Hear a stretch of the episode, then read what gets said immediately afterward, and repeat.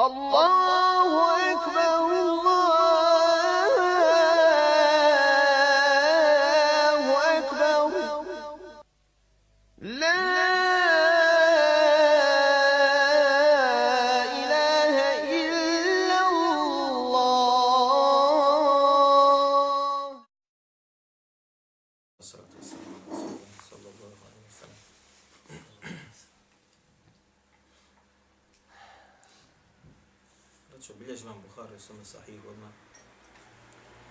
od vas koji je prvi hadith u Buharijom sahihu?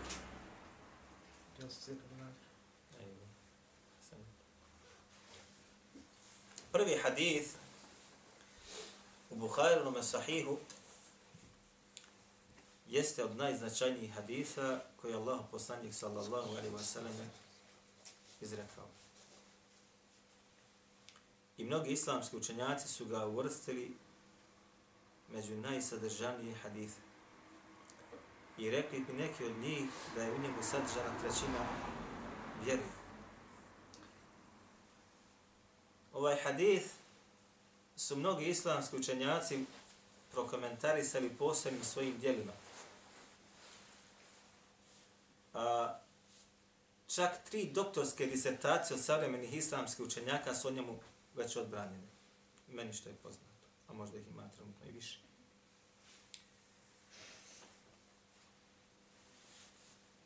Spada u najjezgrovitije hadise koje je Allah poslanik sallallahu alaihi wasallam izrekao i mnogi islamski učenjaci bi kada bi pisali neka od svojih dijela, pogotovo hadiska, ovaj hadith odmah na prvo mjesto stavili. I tako je uradio i Imam Bukhari kada je pisao svoj sahih. Da je odmah na prvo mjesto i otpočeo svoju knjigu sa ovim hadisom. Gdje kaže imam u Bukhariju, Haddethena al-Humaydiju, Abdillah ibn Zubayr, to je njegov jedan čuveni šejhova, kal Haddethena Sufjanu, Kaže imam Bukhari, pričao mi je Humaydi ili Abdullah ibn Zubayr, koji je rekao, pričao nam je kaže Sufjan ovaj Sufjan ovdje jeste Sufjan الثوري قال حدثنا يحيى بن سعيد الأنصاري je kaže Sufjan al-Thawri, pričao nam je, kaže Jahja ibn Sa'id al-Ansari. Kal, ahberani Muhammed ibn Ibrahim, koji je rekao, obavijesto me, kaže Muhammed ibn Ibrahim, et tejmi, iz plemena, ili onaj koji ima nadimak po tome. Ennehu sami' koji je čuo Al-Qam ibn Waqas, Al-Laythi, koji je čuo, kaže, ألقم بن وقاص ليثيا قال سمعت عمر بن الخطاب رضي الله عنه على المنبر يقول kaže čuo sam Omera ibn al-Khattaba, halifu koje kaže na Mimberu jednog dana šta rekao. Ovo je lanas prenosilaca koji kod Buhari i kod ostalih jeste potpuno znači spojenog lanca prenosilaca ako ste to primijetili shodno onome što smo učili. A svi prenosioci jesu pouzdani prenosioci. A ovaj hadis je značajan zato što ga samo Omer ibn Khattab bilježi od Allahovog poslanika sallallahu alaihi wasallam. Niko od ashaba Allahu poslanika sallallahu alaihi wasallam nije prenio ovaj hadis osim Omer. Niko drugi. I u kakvu vrstu hadisa ovaj hadis spada, shodno ono što smo učili? Ahad. Ahad. Ahad. Koja vrsta ahada? Mešhur? Aziz? Garib? Jes, mm -hmm. garib. Pogotovo zato što ga zatim od Omera radijallahu anhu alqame bilježi samo, odnosno prenosi samo. A od Alqame ga prenosi samo Muhammed ibn Ibrahim. A od Muhammed ibn Ibrahima samo ga prenosi Jah ibn Sayyid al-Ansari. Sve trojica ovih, Omer i zatim ova trojica, prenose ga pojedinačno, niko drugi nije prenio. Što znači, mi smo rekli da je garib hadith onaj koji, ako samo jedan nađe svoj generaciju, onda znači imamo šta? Njih nekoliko. A zatim od Jahije ibn Sejda Ansarija, ovaj hadith prenose mnoštvo. Da bi čak neki u svojim djelima govorili prije, preko dvije stotine, jedni bi govorili preko stotine i pedeset. Međutim, Hafid ibn Hađal Asqalani u Fethu kaže, ja sam, kaže, od kako znam za hadis, kako sam počeo istraživati do dana današnjeg, nisam, kaže, sakupio stotinu. Manje od stotinu. Manje od stotinu. Znači, do Jah ibn Sa'ida, znači sve su šta? Pojedinačne predaje, tako? Nakon njega, znači, ovo se razgranano ogromno. Gdje je rekao Omer, kad je stajao na Miberu, kaže šta?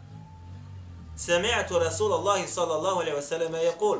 Čuo sam, kaže Allah poslanika sallallahu alaihi wa sallam da je rekao. Innama al-a'malu bin nijati wa innama li kulli mri'in ma nawa. فمن كان هجرته لله إلى الله ورسوله فهجرته إلى الله ورسوله ومن كان هجرته إلى دنيا يصيبها أو امرأة ينكهها فهجرته ما هاجر إليه kaže dijela se u istinu cijene prema namjerama. A svakom čovjeku pripada ono što je naumio. A zatim kaže, i ko bude, kaže, učinio hijđru radi Allaha i njegovog poslanika, njegova je hijđra radi Allaha i njegovog poslanika. Ako bude, kaže, učinio hijđru radi Dunjalu, kada bi ga dokopao se, ili zbog žene da bi se sa njom oženio, e onda je, kaže, hijđra je zbog onoga što je on hijđu samu učinio. Na prvi pogled, kada uzmete u drugu polovinu hadita, ne svaća se sama namjera. Jasno nam je da kaže Allah, svako znači dijelo je shodno namjeri. Dijela se cine prema namjerama. I svakome čovjeku pripada ono što je naumio. Dobro. A sad ovo nam možda malo nije jasno. Ko bude učinio hijđu radi Allaha i njegovog poslanika, njegova hijđa će biti radi Allaha i njegovog poslanika. Ako bude činio hijđu radi dunjalu, kada bi ga se dokučio, da bi ga što više zaradio, ili zbog žene da bi se sa njom oženio, eh, njegova hijđa je zbog onoga što je on hijđu učinio. Da bi ovo razumili, moramo se, braćo, vratiti kada je ovaj hadis izrečen. Ovaj hadis je izrečen kada je Allah poslanik sallallahu alaihi wasallam došao iz Mekke u Medinu. I kada je Allah poslanik sallallahu alaihi wasallam naredio da se svaki musliman iz Mekke iseli u Medinu. I tada je hijđra iz Mekke u Medinu bila šta? Dobrovoljna ili obavezna? Obavezno. Men yutai rasul faqad ata'a Allah. Ko se pokori Allahovom poslaniku, sallallahu alejhi ve sellem, taj se pokorava kome? Allah. Njegova naredba znači ovdje je bila šta? Obavezna za svakoga muslimana da se iseli iz Mekke u Medinu. Pokornost u izvršavanju obaveze koju naredi Allah poslanik sallallahu alejhi ve selleme, je li to ibadet ili je griješenje? Ibadet. Stoga je ovdje opisana hijđra ko se bude iselio hijđrom iz Mekke u Medinu radi Allaha njegova hijđa zbog toga. A ko se bude iselio radi Dunjaluka ili zbog žene njegova hijđa zbog toga. Odnosno, ko bude ovaj ibadet činio iskreno radi Allaha ili njegovog poslanika dobit će nagradu takvu i takvu. Ako bude ibadet činio radi Dunjaluka ili radi žene da je dobije u tome ibadetu i zbog tog ibadeta, neće imati ništa osim onoga zbog čega je taj ibadet odlučio da izvrši. I vam sad slika malo jasnije.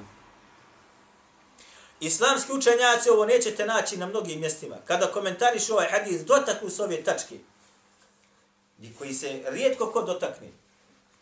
Kada spomenu ovaj hadis, spomenu površne poruke, govori on nije tu samome, kakve ti mora biti namere, kako moraš iščistiti svoj nijed, da ti svako djelo bude radi Allah maši. Ali ne dokuće sržnu stvar. Sržna stvar ovdje u ovom hadisu jeste poruka koju je Allah poslanik sallallahu alaihi sallam ostavio, da ne smije insan pod plaštoma i badeta da sebi gradi druge ciljeve da ima. Jeste me razumjeli?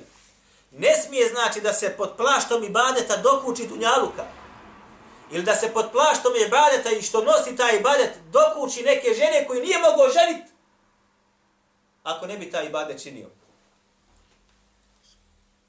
Ili nije mogao dokući taj dunjaluk ukoliko ne bude taj ibadet činio. Pa čineći taj ibadet sa tim plaštom dokuči se toga dunjaluka. I činjeći taj ibadet sa tim plaštom dokući se one žene koja je lijepa i koja je htio da oželi imu namjeru sa njom. Ima li ovoga danas? Ovoga je bilo, braćo moja draga, kroz, od početka Islama do dana današnjeg. Ovaj hadith je Allah poslanik sallallahu alaihi wasallam izrekao zbog čovjeka. Zbog čovjeka koji je došao iz Mekke u Medinu da bi se oženio sa ženom koja se zvala Muqais. Došao je iz Mekke u Medinu da bi se oženio ženom koja se zvala Muqais. U vremenu kada je hijđa bila šta obavezna i kada je hijđa bila šta ibadet. Pa je on plaštom, što bi rekli mi, ili shodno tome, drugi su možda smatrali da je on u ibadetu došao da se radi Allaha i seli njegov poslanika sa osanem, ljop. Njegovo stanje se oslikalo i njega su zvali kako? Muhađir umje kajs. Muhađirom je kajs. Muhađir kaže zbog žene koja se zvala Mukajs. Tako su ga zvali. Njegovo stanje šta? Bilo opće poznato i oslikano. I Allah poslanik sallallahu alaihi wa sallam je tom prigodom izrekao ovaj hadith. E, da bi insan bio pokoran u ibadetu Allahu subhanahu wa ta'ala njegovom poslaniku, ne smije u toj pokornosti, toma ibadetu da mu bude ikakav drugi nijet nego šta? Da to bude radi Allaha Đalešanu, radi njegovog zadovoljstva. فمن كان يرجو لقاء ربه فليعمل فمن كان يرجو لقاء ربه فليعمل عملا صالحا ko bude kaže se nadao susretu sa svojim gospodarom A ne ima onoga ko se smatra vjernikom da se ne nada tom susretu. Imate vjernika neko koji kaže, pa neće nikoga sresti na sudnjem danu, pogotovo Allah, ne Imate kakvog vjernika takvog? Nema. Nego svaki vjernik se nada da će se sresti sa svojim gospodarom. Je li tako? Fel ja'mel amelan saliha, kaže Allah Đelešan. Pa takav neka radi kakva djela? Samo dobra djela da radi. A da bi insan uradio dobro djelo, mora da bude mu nijet ispravan ili loš? Ispravan. A šta ako bude mu nijet loš? Hoće li imati nagradu djela? Nema. Kažu islamski učenjaci, u stihovima su to opisali, kaže, amelu, idlem yuvafiq, djelo kaže koje ne, ne bude se podudarlo, idlem yuvafiq nijeten, koje se kaže ne bude podudarilo sa nijetom. Uradiš djelo. Ali ti nije bilo u nijetu da to djelo bude radi toga i toga. Nije ti bilo u nijetu da to bude radi toga i toga. Kaže, on je takav je, kaže, poput girsa, grane. La jura fihi themeru, na kojoj ne možeš da vidiš i ne može se vidjeti plod. Fahu girsun la jura fihi themeru, On je poput, kaže, grani na kojoj se ne vidi plod. Jeste razumjeli ovo? Dijelo koje ne podudar iskreni nijet, nijet kako treba. Učinio si ogromno dijelo. Ogromno djelo si učinio. Protefsirio si čitav Kur'an u 30 tomova. Ali ti je izdavačka kuća ponudila za ti 30 tomova 50 hiljadarki ili 30.000 darki, ili 10.000 darki. I predgovor su ti dali najcijeneniji i najučeniji ljudi zemlje. I tvoje ime zlatnim slovima gotovo ispisano. Pa si zbog toga to uradio. Ima li od ove, od ove grane ploda? Vidi li se plod? Na sudnjem danu neće od ovog ploda biti ništa. Jer si ga uradio za novac, uradio si ga za poznanstvo, uradio si da tvoje ime bude istaknuto. Braćo, tako mi Allaha subhanahu wa ta'ala. Ja znam čovjeka od jednih eksperata u hadijskoj nauci kada je radio se tahkik na musned imama Ahmeda. Štapan 50-ak tomova. Moja sestra sa onaj opaskama od Švajbar Nauta, odnosno on je bio mentor toga svoga djela. Koji je kada ga je Švajbar Naul ponudio da radi dio tahkika, rekao hoću, ali da moje, kaže, ime ne bude napisano gore. I uradio sam, kaže, dva toma od onih 50 što su štampan, kaže, to su moja dva toma. Niko ne zna ni koji su tomovi, niti da je on to uradio. I kaže, donio sam ga Šuajbu, i Šuajb je, kada samo ni pogledom je otvorio nije, jer toliko povjerenja ima u njega. Samo je, kaže, uzeo, kaže, i stavio po strani. Ni otvorio nije. Toliko povjerenja ima. Ali kaže, moj nijet je bio da se moje, kaže, ime gore šta i ne stavi, nije stavio njegovo ime. Sakrio je, znači, od svoga, od, od svojih dobrih dijela koje je imao, da ih nađe na sudnjem danu samo. Znači, danas imate, napiše jedan članak, traže da mu dane predgovor trojica nekih halima. Je li tako ili nije tako? Vi ćete naći danas u arapskom svijetu i kod nas ovdje bilo kakvu knjižicu da napiše, traži predgovor. A što traži predgovor? Zbog prva stvar da onaj ko čitalac bude siguran da je ta knjiga kako treba. Druga stvar, nađe ti prođu u prodaju. Nađe ti prođu u prodaju i ko biva da bude onaj čitala sigurno znaš ova knjiga dobra, zašto? Zato što je predgovor toj knjizi dao taj, taj i taj.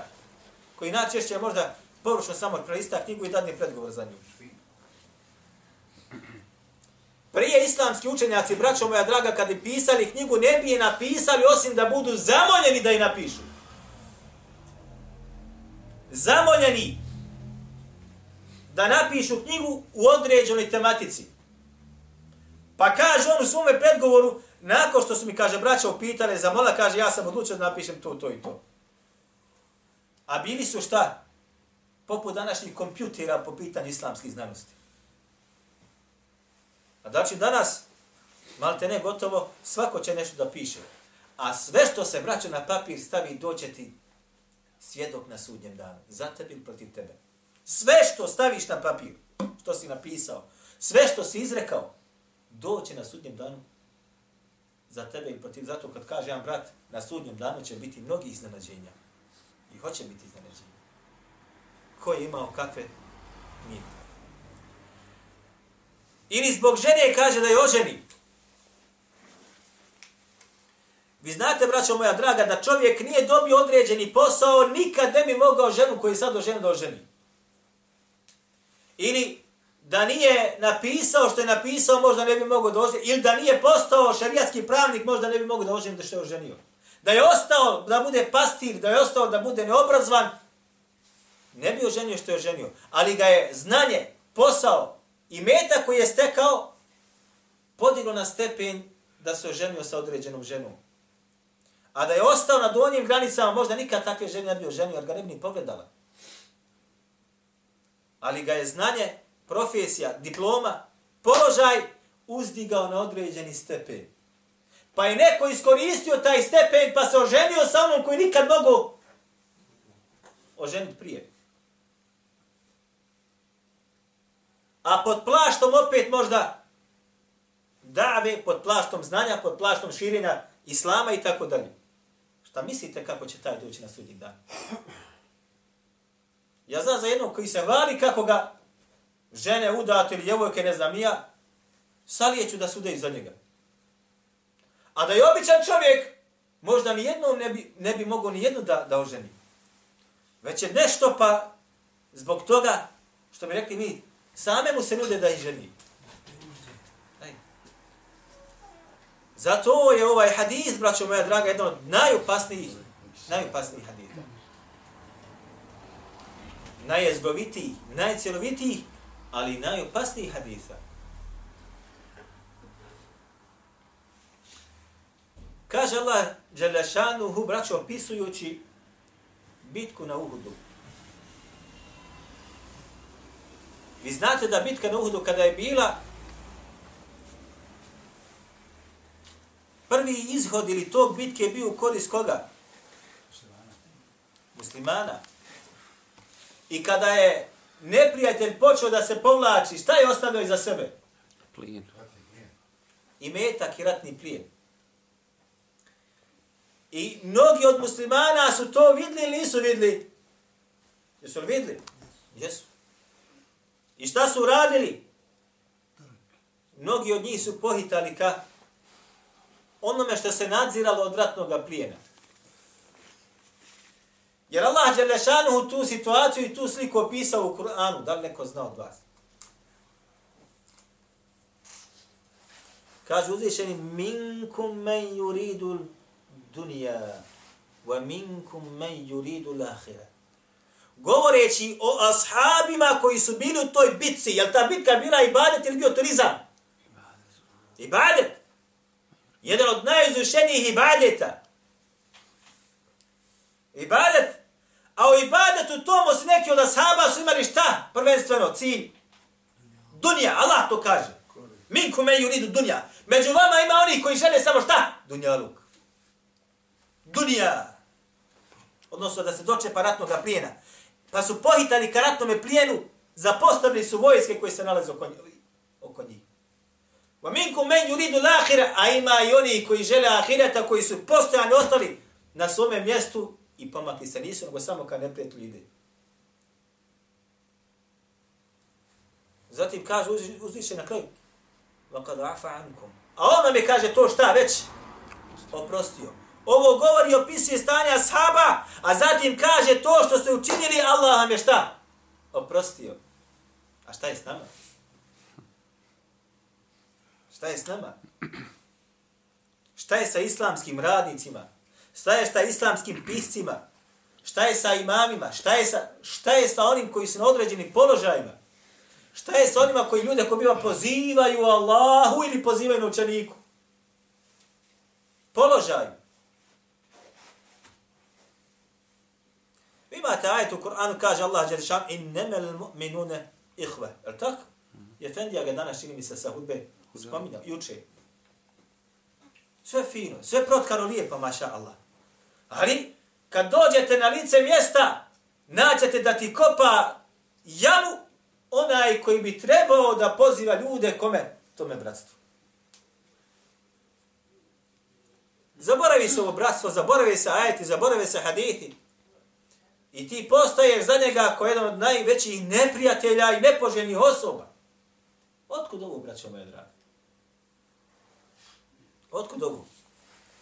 Je li da je taj dunjaluk ljude omamio i privukao i sebi da gramze prema njemu i zaboravljaju na Allahove ajete?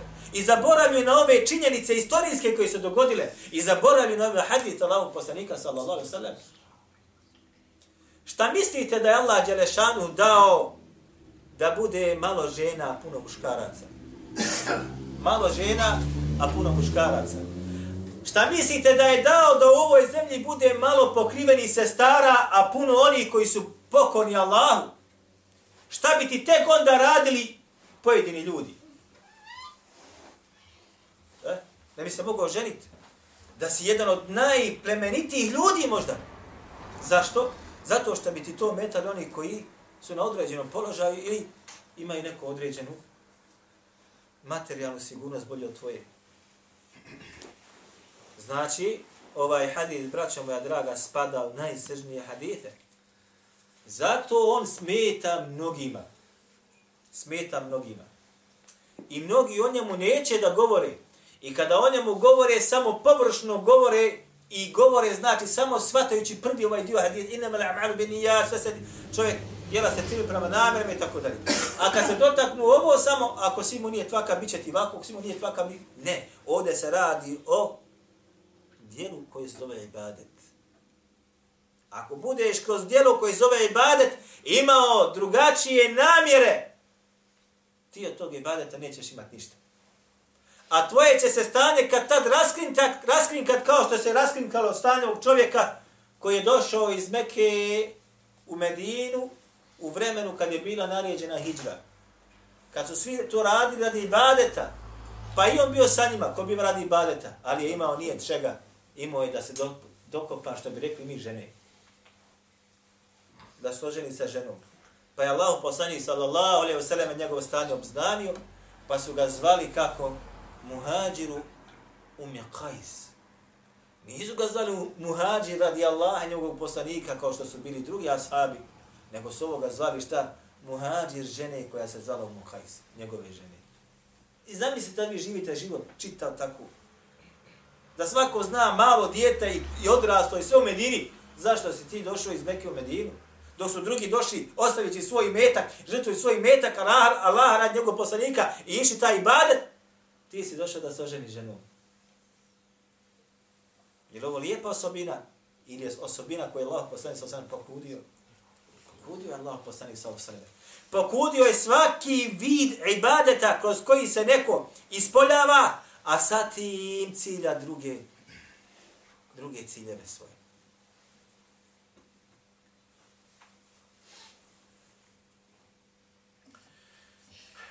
Kaže Allah poslanik sallallahu alaihi ve sellem u hadithu kojeg Buhari Bukhari i Muslim i ostali, sve za čim budeš ti tražio Allahovo zadovoljstvo, imaćeš nagradu u svačemu. Pa makar u onome kaže što budeš davao svojoj ženi u usta.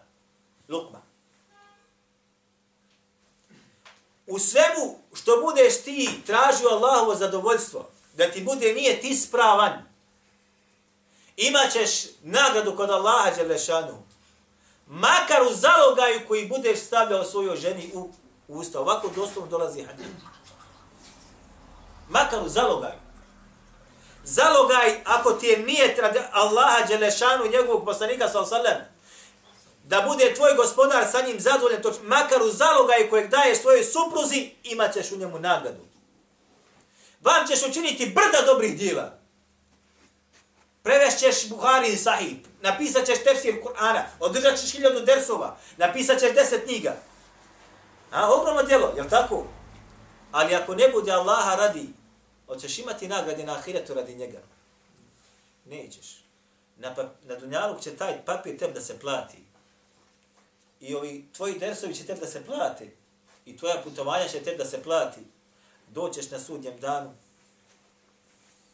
Laha, djela tvoja, neće imati svoje težine. Zašto? Ako su bila radi Allaha, naćeš nagradu. A ono, braćo moja draga, što se radi radi Allaha Đelešanuhu, ima li svoj berečet ili ne ima? Ima li hađa berečet? Makar maleno bilo, berečet se nađe. A makar veliko bilo, ako nema berečeta, nema ni slasti u tome i ne privlači ljudska srca. Mi ćemo nastaviti, inša Allah, ta naša sljedeća druženja. أقول قولي هذا وأستغفر الله لي ولكم فيما كنت تقيس